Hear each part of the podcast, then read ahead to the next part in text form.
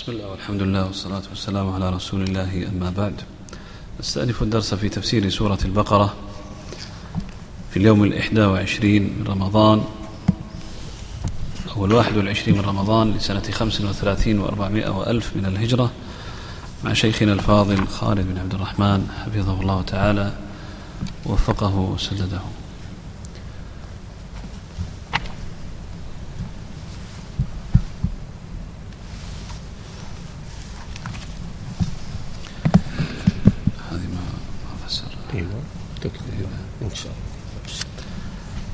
بالله السميع العليم من الشيطان الرجيم من همزه ونفخه ونفثه. ولا تأكلوا أموالكم بينكم بالباطل وتدلوا بها إلى الحكام لتأكلوا لتأكلوا فريقا من أموال الناس بالإثم وأنتم تعلمون. يسألونك عن الأهلة قل هي مواقيت للناس والحج وليس البر بأن تأتوا البيوت من ظهورها ولكن البر من اتقى وأتوا البيوت من أبوابها واتقوا الله لعلكم تفلحون وقاتلوا في سبيل الله الذين يقاتلونكم ولا تعتدوا إن الله لا يحب المعتدين. واقتلوهم حيث ثقفتموهم وأخرجوهم من حيث أخرجوكم والفتنة أشد من القتل ولا تقاتلوهم عند المسجد الحرام حتى يقاتلوكم فيه. فإن قاتلوكم فاقتلوهم. كذلك جزاء الكافرين.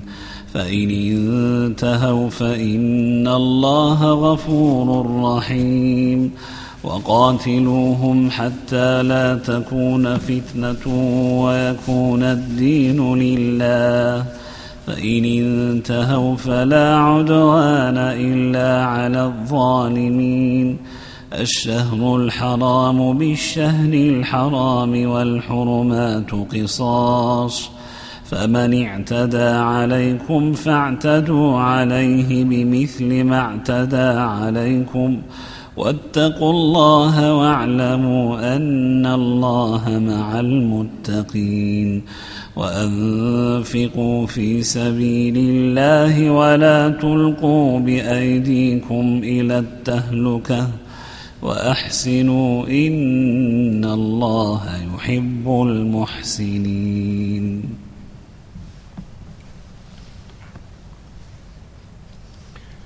الحمد لله رب العالمين وصلى الله وسلم على نبينا محمد وآله وأصحابه أجمعين. أما بعد فقد تقدم في الآيات التي انتهينا إليها قول الله عز وجل أحل لكم ليلة الصيام الرفث إلى نسائكم.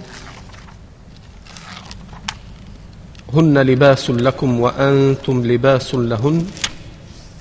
إلى آخر ما ذكر الله عز وجل من أحكام علاقة الرجل بزوجته إلى أن ختم تلك الآية فقال ولا تباشروهن وأنتم عاكفون في المساجد.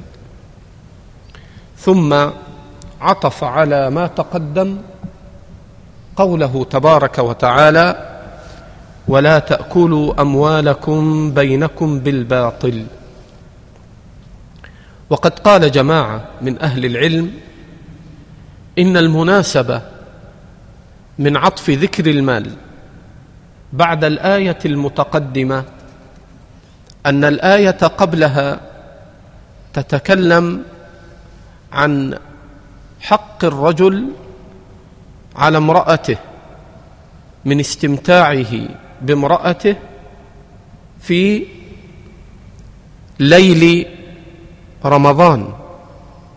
وأن هذا إنما صار حقا له باستحلاله فرجها بالمال. ولذلك قال النبي صلى الله عليه وسلم بما استحللتم فروجهن.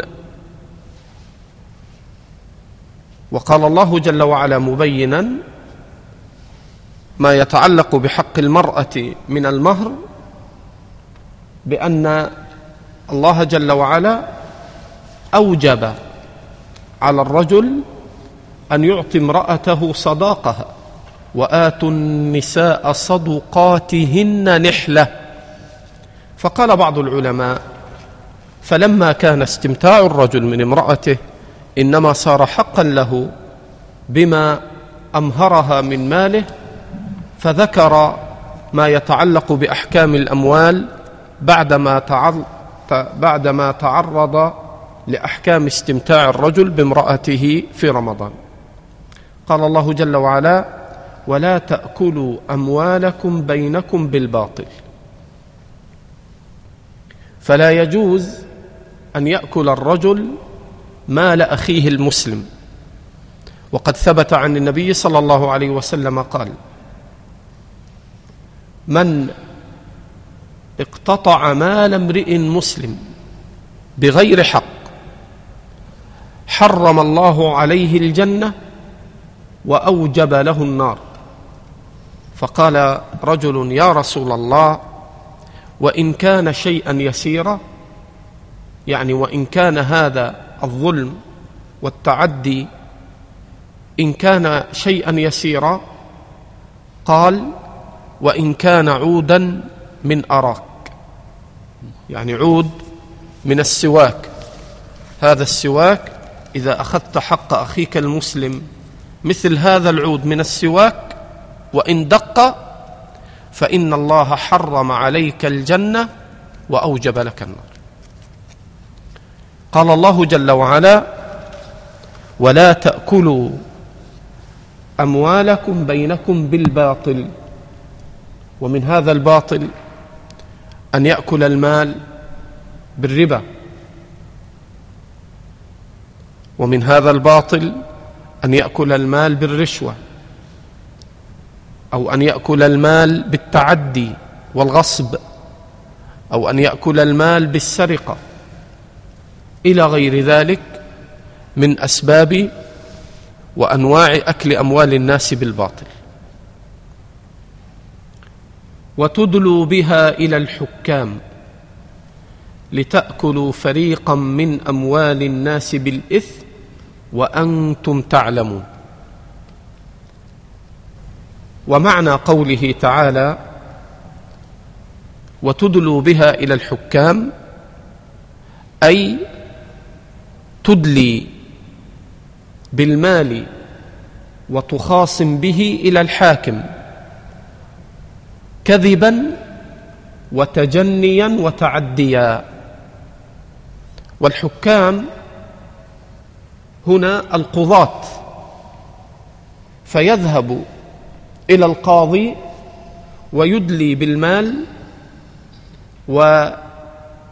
ويحتج بإدلائه للمال الذي يدعيه بأنه صاحب المال وهو كاذب.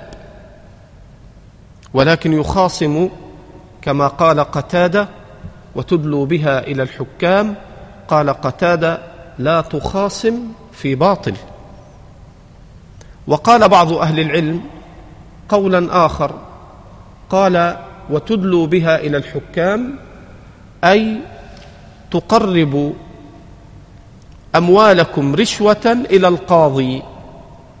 حتى يحكم القاضي لك ظلما وعدوانا. فالله جل وعلا بين أن هذا يكون باطلا وإن قضى القاضي به.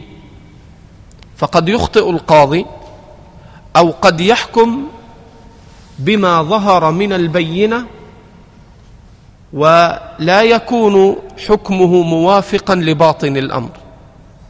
كما جاء في الصحيحين أن النبي صلى الله عليه وسلم قال إنكم تختصمون إلي ولعل بعضكم أن يكون ألحن بحجته من أخيه فمن قضيت له شيئا من حق اخيه فإنما هي قطعة من النار فلا يأخذها أو كما قال صلى الله عليه وسلم.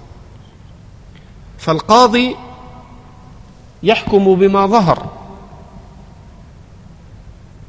فقد يكون حكمه غير موافق في الباطن وإنما يحكم بما ظهر له.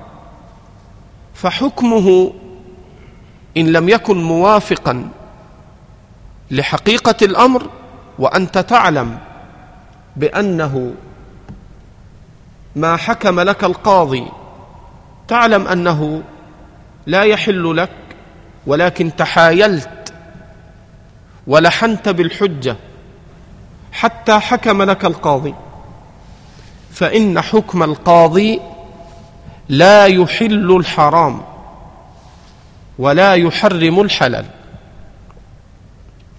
وقد قال بعض أهل العلم إذا حكم القاضي فإن حكمه يحل الحرام. أي أن القاضي إذا أخطأ أو حكم بما ظهر من البينة. وقال لك هذا المال من حقك. وأنت تعلم أنك كاذب هؤلاء العلماء يقولون حل لك المال. وهذا قول باطل شنيع يخالف كتاب الله ويخالف السنة. فإن النبي صلى الله عليه وسلم يقول وإنما أقضي بنحو ما أسمع فمن قضيت له بحق أخيه أو من قضيت له شيئا من حق أخيه فإنما هي قطعة من النار. فبين النبي صلى الله عليه وسلم أن حكمه لا يغير حقيقة باطن الأمر. وأنك إن كنت تعلم أن حكم القاضي ليس موافقا لحقيقة الأمر الذي تعلمه وتعلم أنك تكذب فإن حكم القاضي لا يحل حراما ولا يحرم حلالا. قال الله جل وعلا ولا تأكلوا أموالكم بينكم بالباطل وتدلوا بها إلى الحكام لتأكلوا فريقا من أموال الناس بالإثم وأنتم تعلمون أي يفعلون ذلك مع علمهم بأنهم يأكلون المال الحرام. قد يأكل الإنسان المال الحرام جاهلا فيكون له عذر عند الله. وأما إذا أكل أموال الناس بالباطل وهو عالم فهذا من أشد الذنب وأقبحه. وقد تقدم معنا ما جاء في صحيح مسلم. أن النبي صلى الله عليه وسلم ذكر الرجل يطيل السفر أشعث أغبر يقول يا رب يا رب ومطعمه حرام ومشربه حرام وغذي بالحرام فأنى يستجاب له. فمن أعظم الأسباب التي تمنع من قبول الدعاء أكل المال الحرام والعياذ بالله. قال الله جل وعلا يسألونك عن الأهلة قل هي مواقيت للناس والحج. تقدم ما يتعلق بأحكام رمضان. وثبوت الشهر في رمضان ابتداؤه وانتهاؤه برؤية الهلال. فبعد أن ذكر الله جل وعلا ما يتعلق بأحكام الصيام ذكر ما يتعلق بالأهلة التي تناسب ما تقدم من الكلام عن شهر رمضان وكيف يثبت الشهر برؤية الهلال؟ ابتداء وانتهاء أو برؤية الهلال؟ ابتداء وأن يتم ثلاثين يوما إذا لم يروه في آخره. وكذا إذا لم يروا الهلال في أول الشهر أتم شعبان ثلاثين. قل هي مواقيت للناس.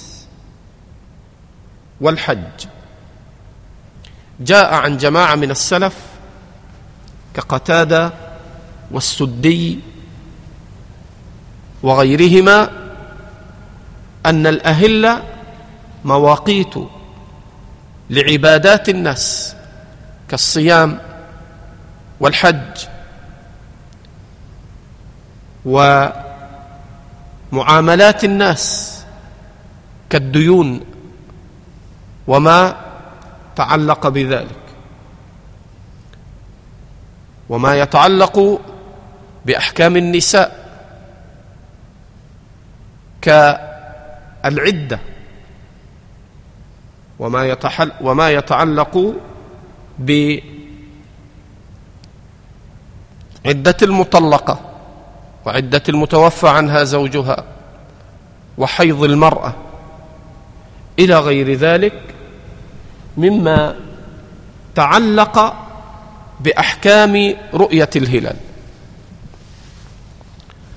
والحج أي حين يظهر الهلال ويتبين منه دخول أشهر الحج. كما قال تعالى الحج أشهر معلومات. فمن فرض فيهن الحج فلا رفث ولا فسوق ولا جدال في الحج. وكيف تعرف هذه شهور الحج؟ إلا من خلال الأهلة وانتهاء الشهر وابتداء الشهر الذي يليه برؤية الهلال. فالأهلة مواقيت أوقات لعبادات الناس ومعاملاتهم. ومن ذلك الاهله في بيان مواقيت الحج. وليس البر بأن تأتوا البيوت من ظهورها ولكن البر من اتقى وأتوا البيوت من أبوابها. جاء في الصحيحين من حديث البراء بن عازب رضي الله عنه.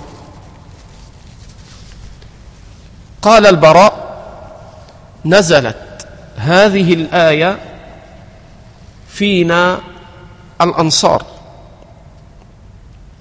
كان الرجل إذا رجع من حجه لم يدخل بيته من الباب. وإنما دخل بيته من ظهر البيت ولا يأتي البيت من بابه. قال فجاء رجل ذات يوم من حجه فدخل داره من بابه. على خلاف العادة فعير عيره الناس. كان هناك عادات عندهم واعتبارات. إذا رجعت من الحج ما تأتي من باب البيت تأتي من ظهر البيت. فجاء ذات يوم جاب يقول جابر فجاء ذات يوم رجل من الأنصار فدخل من من بابه. فعير. قال فنزلت هذه الآية. وليس البر بأن تأتوا البيوت من ظهورها كما كان يفعل الأنصار قبل أن تنزل هذه الآية. ولكن البر من اتقى وأتوا البيوت من أبوابها. إذا رجعت من سفرك لا تأتي البيت من ظهر تأتي من باب بيتك. واتقوا الله لعلكم تفلحون. ثم ذكر الله عز وجل ما يتعلق بأحكام الجهاد ولما كان ما يتعلق بأحكام الجهاد في سياق القتال في مكة التي هي موضع أداء مناسك الحج. فذكر الله جل وعلا أحكام القتال والتي منها كما سيأتي ما يتعلق بحكم القتال في مكة الذي هو موضع مناسك الحج. قال الله جل وعلا وقاتلوا في سبيل الله الذين يقاتلونكم. وقد جاء في الصحيحين أن رجلا قال يا رسول الله ما القتال في سبيل الله؟ فقد يقاتل الرجل غضبا أو حمية. فقال صلى الله عليه وسلم ورفع إليه رأسه. قال وما رفع إليه رأسه إلا أنه كان قائما. السائل يعني. فقال صلى الله عليه وسلم من قاتل لتكون كلمة الله هي العليا فهو في سبيل الله عز وجل. فسئل ما القتال في سبيل الله؟ قال من قاتل لتكون كلمة الله هي العليا فهو في سبيل الله فالقتال لا يكون قتال غضب وقتال انتقام أو قتال تعصب للأوطان أو قتال لجنس وعرق معين. القتال والجهاد في سبيل الله لا يكون من سبيل الله كما بين النبي صلى الله عليه وسلم في جوابه حين سئل ما القتال في سبيل الله؟ قال من قاتل لتكون كلمة الله هي العليا فهو في سبيل الله. وقاتلوا في سبيل الله الذين يقاتلونكم.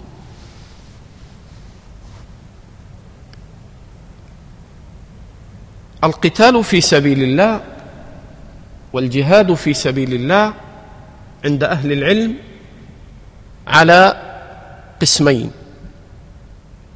جهاد الدفع وجهاد الدعوة. جهاد الدفع إذا اعتدى المشركون على المسلمين. فهنا يجاهد المسلمون ويدفعون هؤلاء المعتدين الذين ابتدأوا بقتال المسلمين. وهذا يسميه العلماء جهاد الدفع أي أنهم يدفعون قتال الكفار الذين بدأوهم. والقسم الثاني جهاد الدعوة. جهاد الدعوة أن يقاتل المسلمون الكفار ابتدائهم ويغزو المسلمون الكفار في عقر دارهم.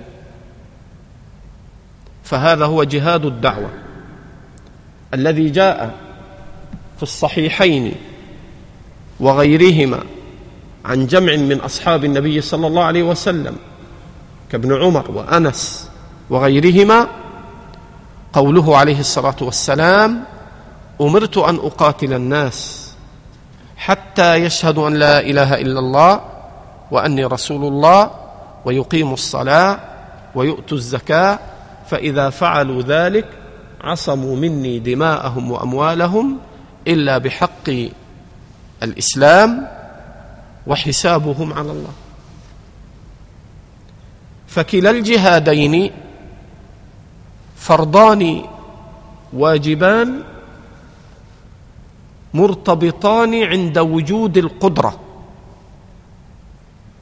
كلا الجهادين جهاد الدفع وجهاد الدعوة متعلق بالقدرة.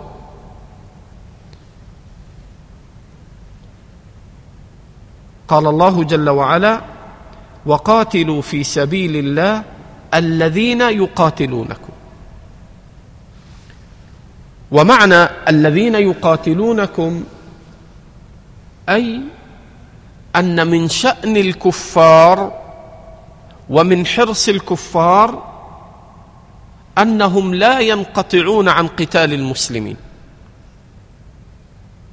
ولذلك قال الله جل وعلا ولا يزالون يقاتلونكم حتى يردوكم عن دينكم إن استطاعوا.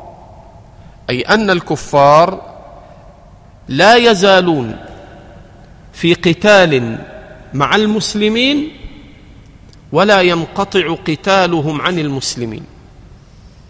إذا ليس معنى الآية لا نقاتل الكفار إلا إذا قاتلونا. لا وإنما معنى الآية وقاتلوا في سبيل الله الذين يقاتلونكم أي قاتلوا الكفار الذين لا يزالون يقاتلونكم ولن يدعوا قتالكم. لذلك بعض الناس في هذا الزمان يقول لا جهاد إلا جهاد الدفع. إذا لم يعتدي علينا الكفار فلا نغزوهم في ديارهم. فيبطلون جهاد الدعوة. ويجعلون الجهاد مقصورا على قسم واحد وهو جهاد الدفع. وهذا من قاله فقد رد الكتاب والسنة فإن الله تعالى يقول وقاتلوهم حتى لا تكون فتنة كما في الآية التي بعد ذلك حيث بين الله عز وجل قتال الكفار حتى لا تكون فتنة ويكون ويكون الدين لله. فبين الله جل وعلا أن قتال الكفار باق حتى لا يبقى كفر في الأرض وحتى يعم الإسلام البلاد والعباد. لذلك من قصر جهاد المسلمين على جهاد الدفع وأنكر جهاد الدعوة فقد رد الكتاب والسنة. والنبي صلى الله عليه وسلم يقول كما تقدم أمرت أن أقاتل الناس حتى يشهدوا أن لا إله إلا الله وأني رسول الله ويقيموا الصلاة ويؤتوا الزكاة. الحديث. قال الله جل وعلا ولا تعتدوا أي أن المسلم يقاتل. ولكن حين يقاتل لا يعتدي في غير ما أذن له في القتال. فالنبي صلى الله عليه وسلم في صحيح مسلم كان يوصي الجيش يقول أغزوا في سبيل الله وقاتلوا من كفر بالله ولا تقتلوا امرأة ولا وليدا ولا تغدروا ولا كذا ولا كذا كل هذه مما نهى عنه الشرع من الاعتداء. لا تقتل المرأة ولا يقتل الصبيان ولا يقتل من انعزل في صومعته. من الرهبان وهؤلاء الذين لا شأن لهم في القتال. ولا تغدروا ولا تمثلوا ولا يغدر ولا يمثل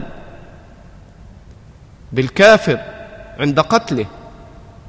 كل هذا من الاعتداء. ولذلك لما مر النبي صلى الله عليه وسلم في بعض مغازيه فوجد امرأة مقتولة. فقال ما كان هذه لتقاتل؟ هذه امرأة ليس من شأنها القتال. فنهى عن قتلها. ونهى عن قتل الصبيان وعن قتل الولدان. كل هذا من الاعتداء الذي لا يجوز في الجهاد في سبيل الله.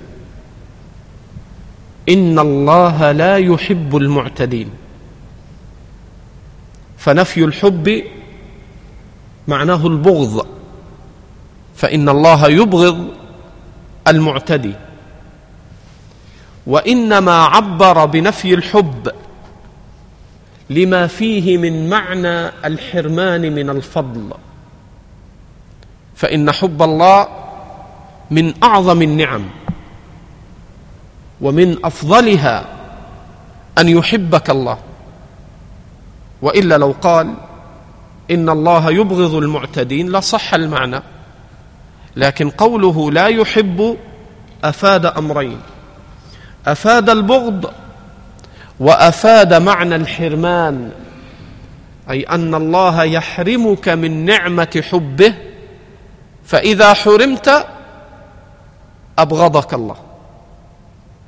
فكان في ذكر نفي الحب من المعنى والتنبيه ما هو أبلغ. والله أعلم مما لو قال إن الله يبغض المعتدين. واقتلوهم حيث ثقفتموهم وأخرج وأخرجوهم من حيث أخرجوكم. واقتلوهم حيث ثقفتموهم حيث وجدتموهم في أي موضع. وأخرجوهم من حيث أخرجوكم. فالكفار إذا اعتدوا على بلد من بلاد المسلمين واخرجوا أهلها من هذه البلد كان فرضا على المسلمين أن يقاتلوا الكفار حتى يخرجوهم من حيث أخرجوا المسلمين. أما أن يستقر الكفار في بلد ما وقد أخرجوا المسلمين كما هو حال اليهود. أتوا إلى بلاد المسلمين فقاتلوا وقتلوا المسلمين وأخرجوا كثيرا من المسلمين من ديارهم. فعند القدرة واجب على المسلمين أن يقاتلوا اليهود وأن يخرجوهم من حيث أخرجوا المسلمين. والفتنة أشد من القتل. وقد ثبت في صحيح البخاري عن ابن عمر رضي الله عنهما في تأويل قول الله تعالى والفتنة أشد من القتل. قال كان المشركون يأتون بالرجل فلا يزالون يعذبونه ليرجع عن دين الإسلام. فكانت الفتنة بأن يحملوه على الردة وعلى الكفر. قال ابن عمر فذاك قوله والفتنة أشد من القتل. أي فتنة المسلم عن دينه حتى يرتد عن الإسلام عند الله أعظم اثما من القتل. والقتل أهون من أن يرتد المسلم عن دينه. إذا تبين هذا فتبين خطأ فهم كثير من الناس لهذه الآية. فلما يأتي إنسان يوقع نميمة بين الرجل وبين أخيه ينم ويفسد بينهما يقولون الفتنة أشد من القتل يعني النميمة. وهذا غلط. وإن كانت النميمة من الكبائر لكن ليس هذا هو المراد من الآية. وإنما المراد من الآية كما فسرها ابن عمر رضي الله عنهما وغيره أن فتنة المسلم عن دينه بأن يعذب حتى يرتد إلى الكفر أشد من القتل وأعظم إثما من القتل. ولا تقاتلوهم عند المسجد الحرام حتى يقاتلوكم فيه. هذه المناسبة حين ذكر قل هي مواقيت للناس والحج فعرج إلى ذكر القتال ليبين ما حكم القتال عند المسجد الحرام الكعبة والحرم. قال لا تقا ولا تقاتلوهم عند المسجد الحرام حتى يقاتلوكم فيه. فإن قاتلوكم فاقتلوهم فلا يجوز القتال في الحرم. ولذلك جاء في الصحيحين من حديث أبي شريح رضي الله عنه قال أن النبي صلى الله عليه وسلم قال إن مكة لم يحرمها الناس وإنما حرمها الله. فلا يحل القتال فيها. فإن أحد ترخص بقتال رسول الله فقولوا إن الله أذن لنبيه ولم يأذن لكم. وإنما حلت لي ساعة من نهار. ثم إنها عادت حرمتها كما كانت إلى يوم القيامة. وإنما حلت لي ساعة من نهار. ثم إنها عادت حرمتها كما كانت إلى يوم القيامة. يعني ما المعنى من هذا؟ المعنى أن النبي صلى الله عليه وسلم لما فتح مكة حصل شيء من القتال. والقتال لا يجوز في مكة. فالنبي صلى الله عليه وسلم قال إذا أحد استحل القتال في مكة لأن النبي صلى الله عليه وسلم في فتح مكة حصل شيء من القتال. فلا يجوز لك أن تقاتل محتجا بفعل النبي صلى الله عليه وسلم. فقولوا له إن الله أذن لنبيه. ولم يأذن لكم. هذا الفرق الأول. الفرق الثاني أن الله ما أذن له إذنا مطلقا. قال وإنما حلت لي ساعة من نهار. يعني أحل الله القتال لي في فتح مكة وقتا من النهار. ليس أن الله أحل له القتال في مكة بإطلاق. ثم أنها عادت حرمتها كما كانت إلى يوم القيامة. اذا فالقتال في مكة لا يجوز ويحرم إلا في حالة واحدة.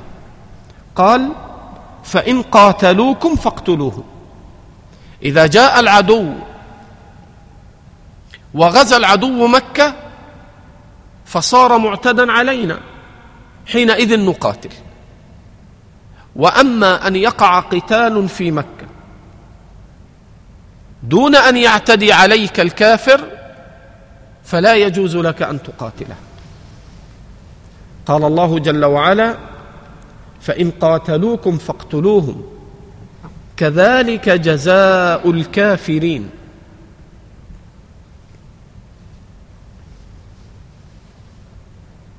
فإذا كان الله جل وعلا حرم قتال الكافر في مكة إذا وجد فيها حتى يقاتل. فما بالك بهؤلاء الخوارج الذي يقاتلون أهل الإسلام في التفجيرات وفي الحرمين من استحلال الدماء وقتل الشرطة والضباط بحجة أنهم كفار مرتدون.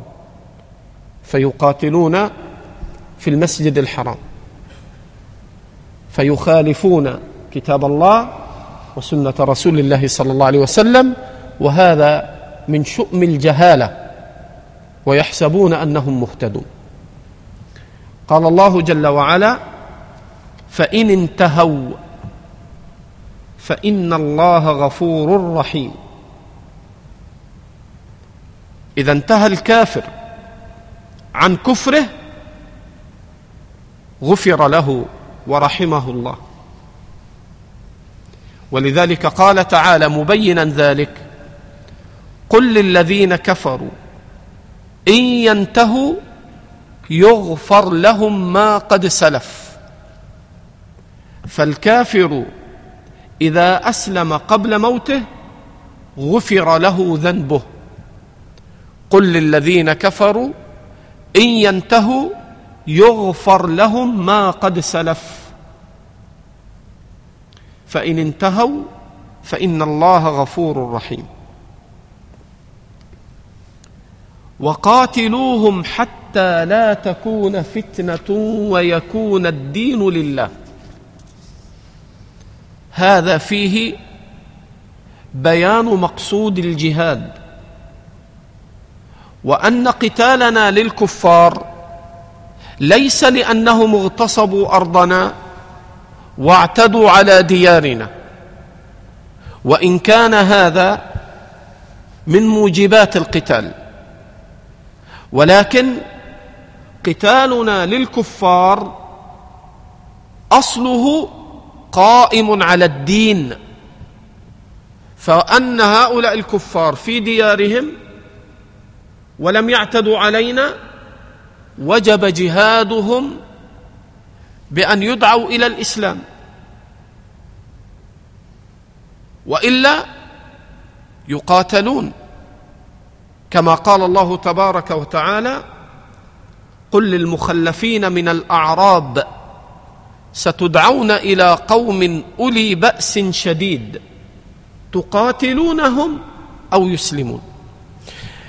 اذا كثير من الناس يظن أن قتال الكفار لكونهم اعتدوا على أرضنا فإذا لم يعتدوا علينا فلا قتال وهذا جهل فإن الله بين أن الأصل المقصود من قتال الكفار هو دعوتهم للإسلام فإن قبلوا الإسلام وإلا قتلوا على تفاصيل عند أهل العلم.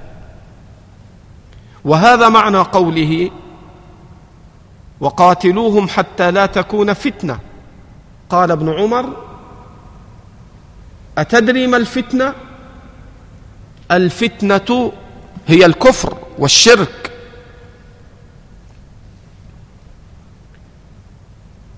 وقاتلوهم حتى لا تكون فتنة. ولذلك جاء في صحيح البخاري أن رجلا أتى إلى ابن عمر في فتنة ابن الزبير. فقال له ألا تقاتل؟ وما يمنعك من القتال؟ فقال يمنعني أن الله حرم دم أخي.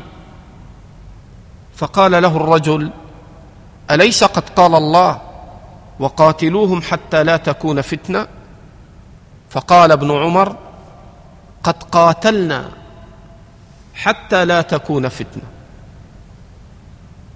ثم قال في بعض الطرق والروايات الأخرى عند البخاري من طريق سعيد بن جبير قال ثكلتك أمك أتدري ما الفتنة؟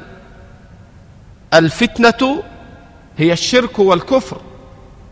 كان الرجل إذا أسلم لا يزالون يفتنونه ويعذبونه حتى يرجع عن دينه. قال ابن عمر فقد قاتلنا حتى لا تكون فتنة. وإنما أنت وأصحابك تقاتلون حتى تكون فتنة. قد قاتلنا حتى لا تكون فتنة.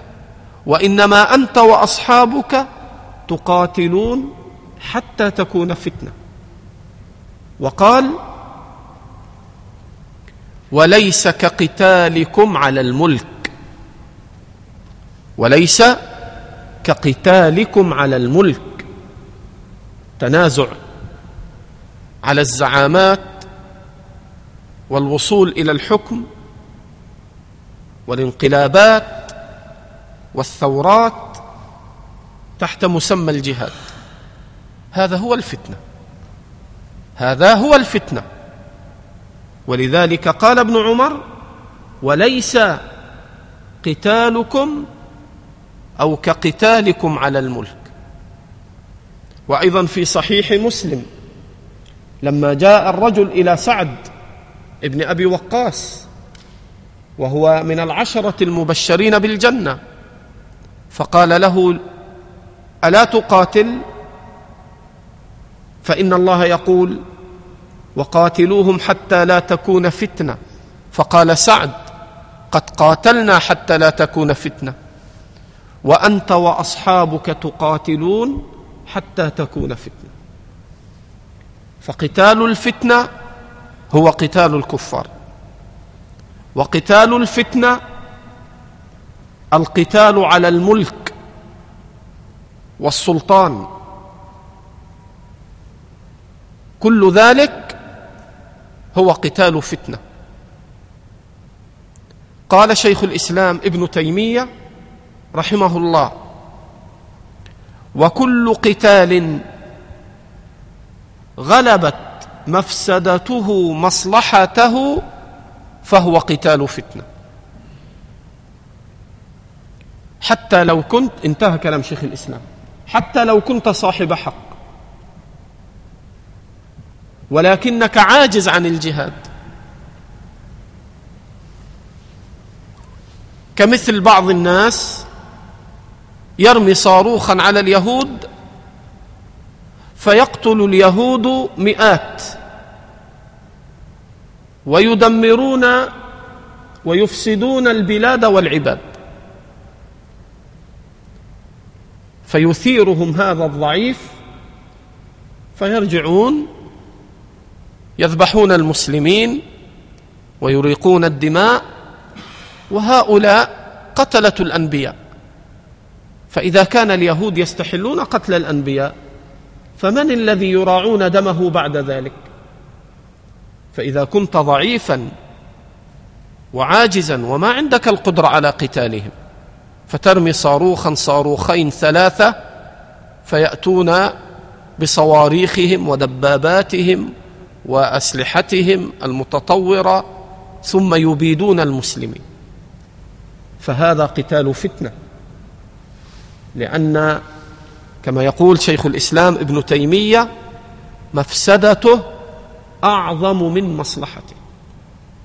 ما تكسب شيئا إلا أنك تضر نفسك وتضر المسلمين.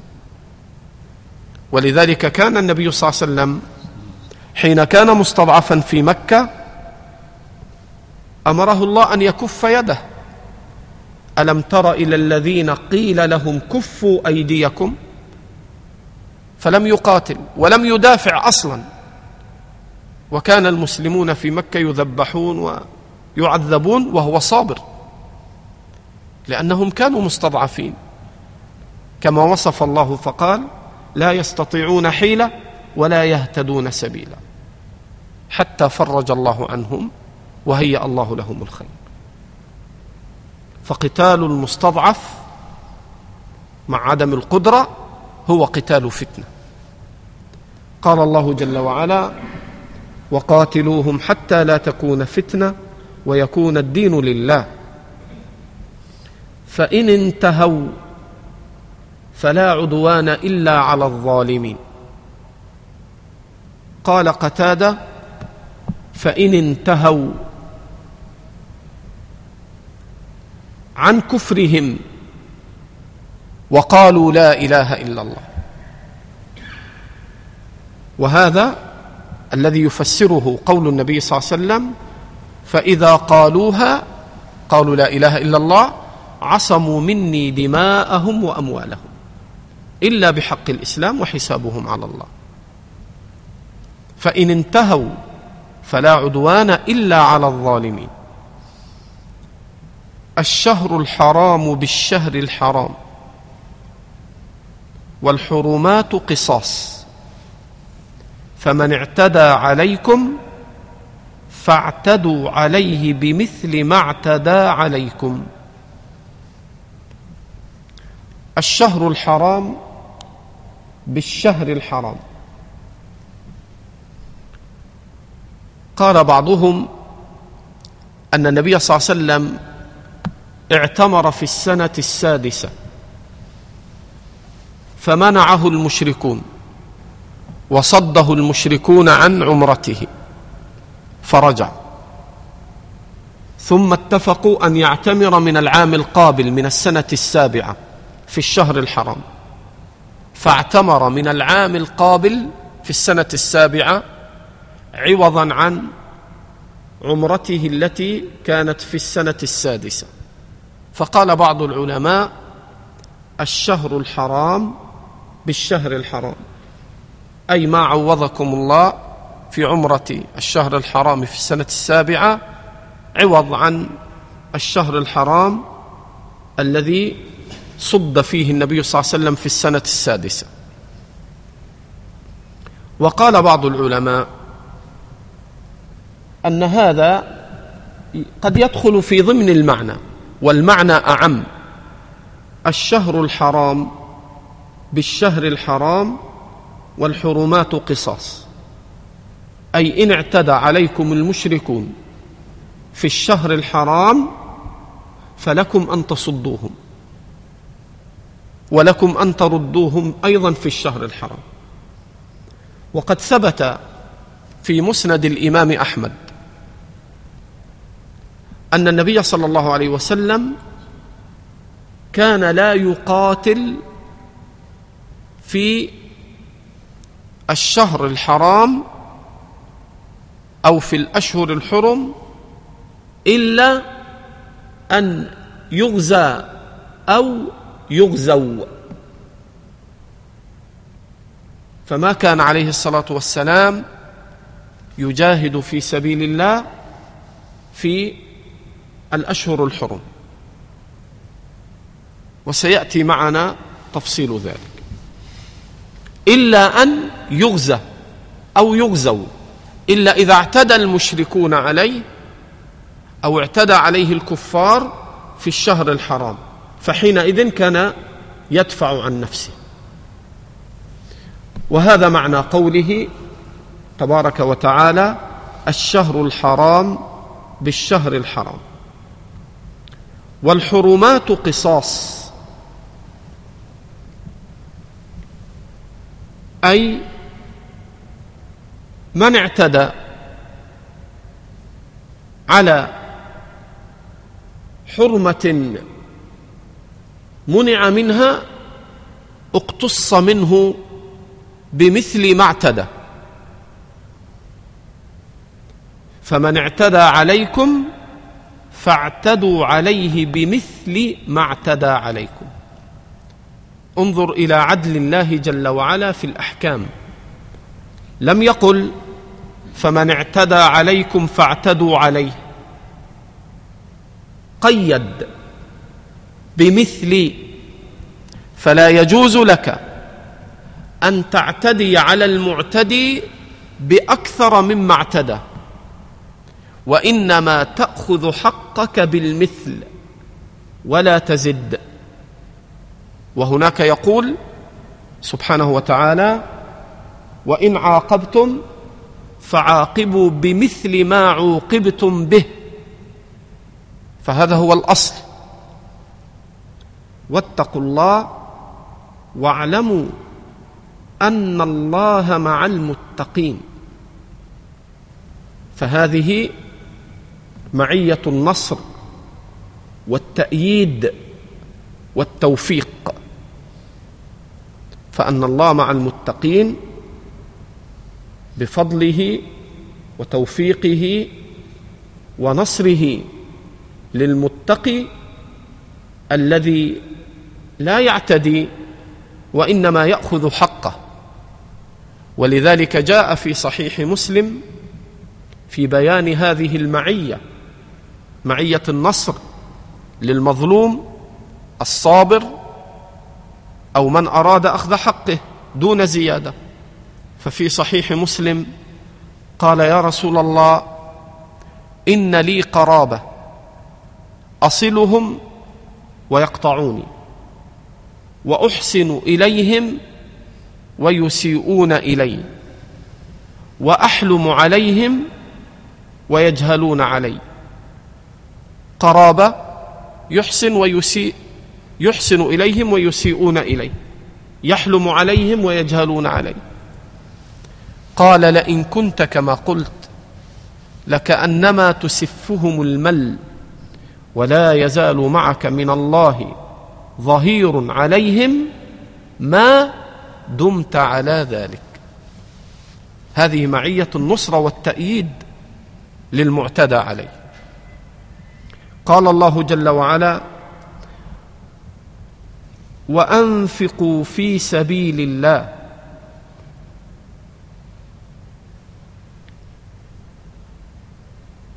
الجهاد في سبيل الله يحتاج إلى الأموال. فلا بد من النفقة أن ينفق في سبيل الله في وجوه البر ومن أعظمها أن ينفق في الجهاد في سبيل الله. وأنفقوا في سبيل الله. ولا تلقوا بأيديكم إلى التهلكة. وقد ثبت من حديث أبي أيوب الأنصاري رضي الله عنه أنه غزا مع جماعة في فتح القسطنطينية. فحمل رجل من المسلمين على العدو فقتلوه. فقال الناس ألقى بيده إلى التهلكة. فقال أبو أيوب رضي الله عنه أيها الناس لا تأولوا القرآن على غير تأويله. إنما نزلت فينا هذه الآية معشر الأنصار. لما أعز الله دينه ونصر نبيه قلنا لو أننا جلسنا في أموالنا ونصلح ما فسد منها. فنزلت هذه الآية. قال أبو أيوب فكانت التهلكه بتركنا الجهاد في سبيل الله وبقائنا لنصلح أموالنا وكذا. اذا قوله ولا تلقوا بأيديكم إلى التهلكة سبب نزولها هو ترك الجهاد في سبيل الله.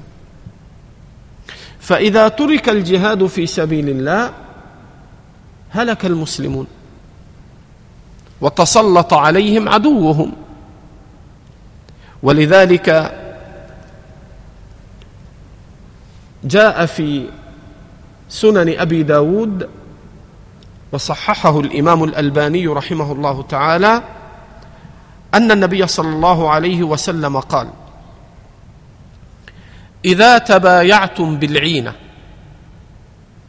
وهذا نوع من أنواع الربا وأخذتم أذناب البقر ورضيتم بالزرع وتركتم الجهاد في سبيل الله سلط الله عليكم ذلا لا ينزعه شيء حتى ترجعوا إلى دينكم.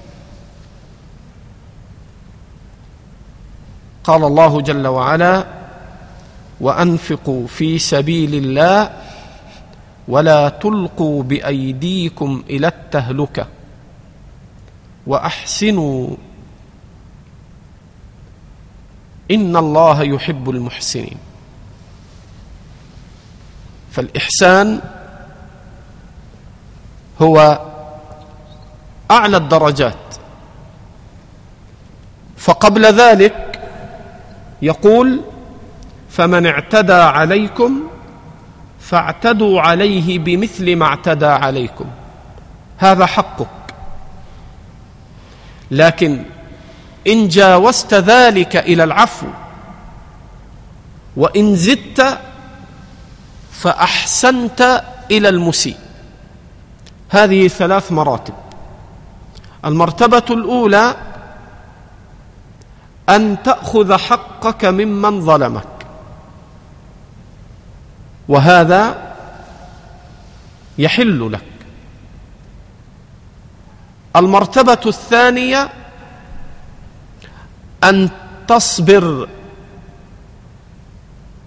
ولا تأخذ حقك. أعلى المراتب أن تحسن إليه وهو مسيء إليك. فلا أخذت حقك بل سامحت في حقك وزدت إحسانا إليه مع ظلمه لك. وهذه أعلى المراتب. وقد جاء في الصحيحين من حديث أمنا عائشة رضي الله عنها في قصة الإفك.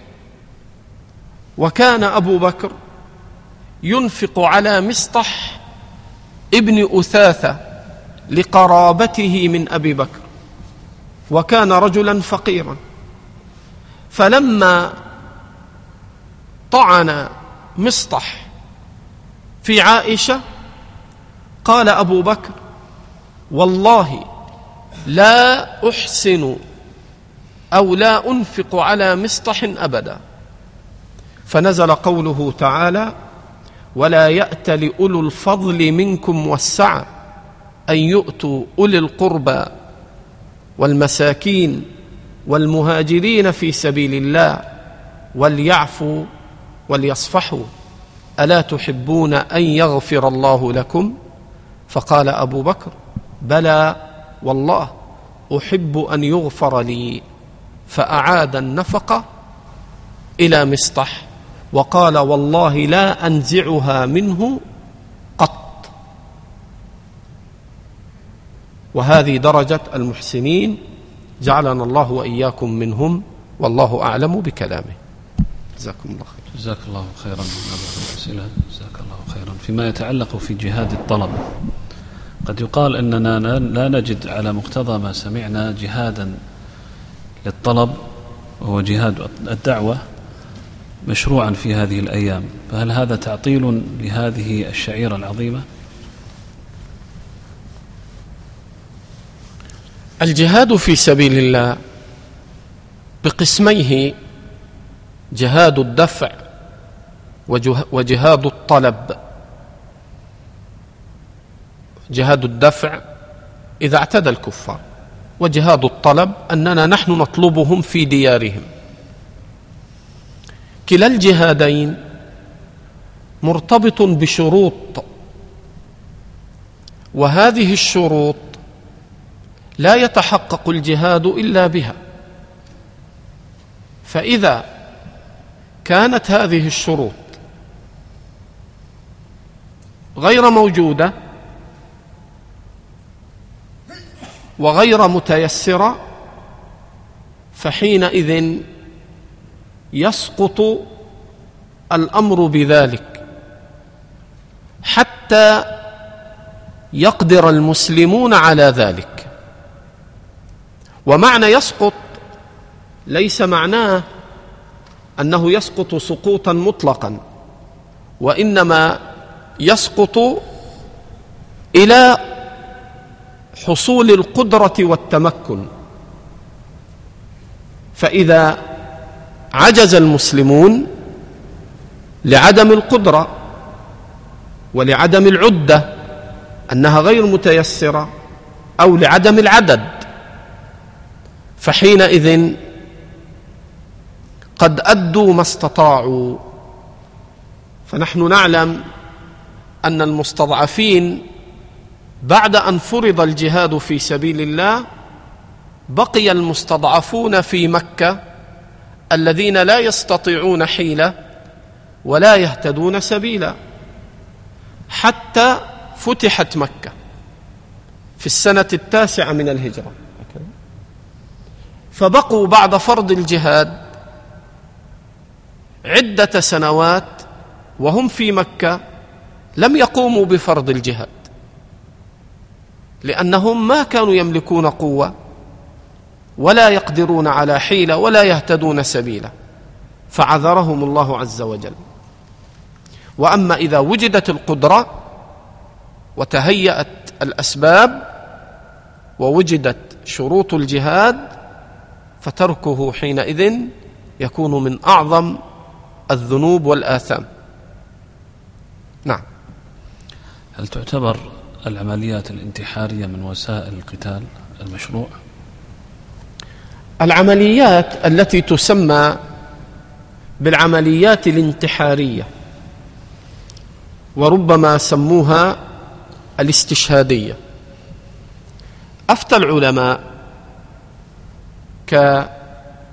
كالعلامة الإمام ابن باز وابن عثيمين وكذلك جماعة من العلماء رحمهم الله غير هؤلاء أفتوا بأنها لا تجوز. لا يجوز للمسلم أن يقتل نفسه. فإن الله تعالى يقول ولا تقتلوا أنفسكم إن الله كان بكم رحيما. فلا يجوز للإنسان أن يقتل نفسه منتحرا بحجة أنه يجاهد في سبيل الله. هذا مما نهى الله عنه. وقد جاء في ذلك الانتحار ما جاء عند البخاري وغيره أن النبي صلى الله عليه وسلم قال من قتل نفسه بحديدة فحديدته في يده يجأ بها بطنه في نار جهنم خالدا مخلدا ومن تحسى سما فسمه في يده يتحساه في نار جهنم خالدا مخلدا. فالانتحار وأن يفجر الإنسان نفسه ويثير العدو على المسلمين سيما مع استضعافهم ومع قلة قوتهم وعددهم وعددهم كما هو الحال في فلسطين. يفجر نفسه ثم يقوم هؤلاء يذبحون المسلمين. فكل هذا مما لا يجوز وهذا مما نهي عنه في الشرع وأفتى العلماء بالمنع منه. نعم. يسأل السائل أحسن الله إليكم هل تنطبق أحكام قصر قصر وجمع الصلاة للمسافر على الصيام أي هل يباح الفطر للمسافر طول مدة سفره؟ وإن مكث في بلد طوال الشهر الكريم وجزاكم الله خيرا. المسافر أحكام السفر ليس لها مدة.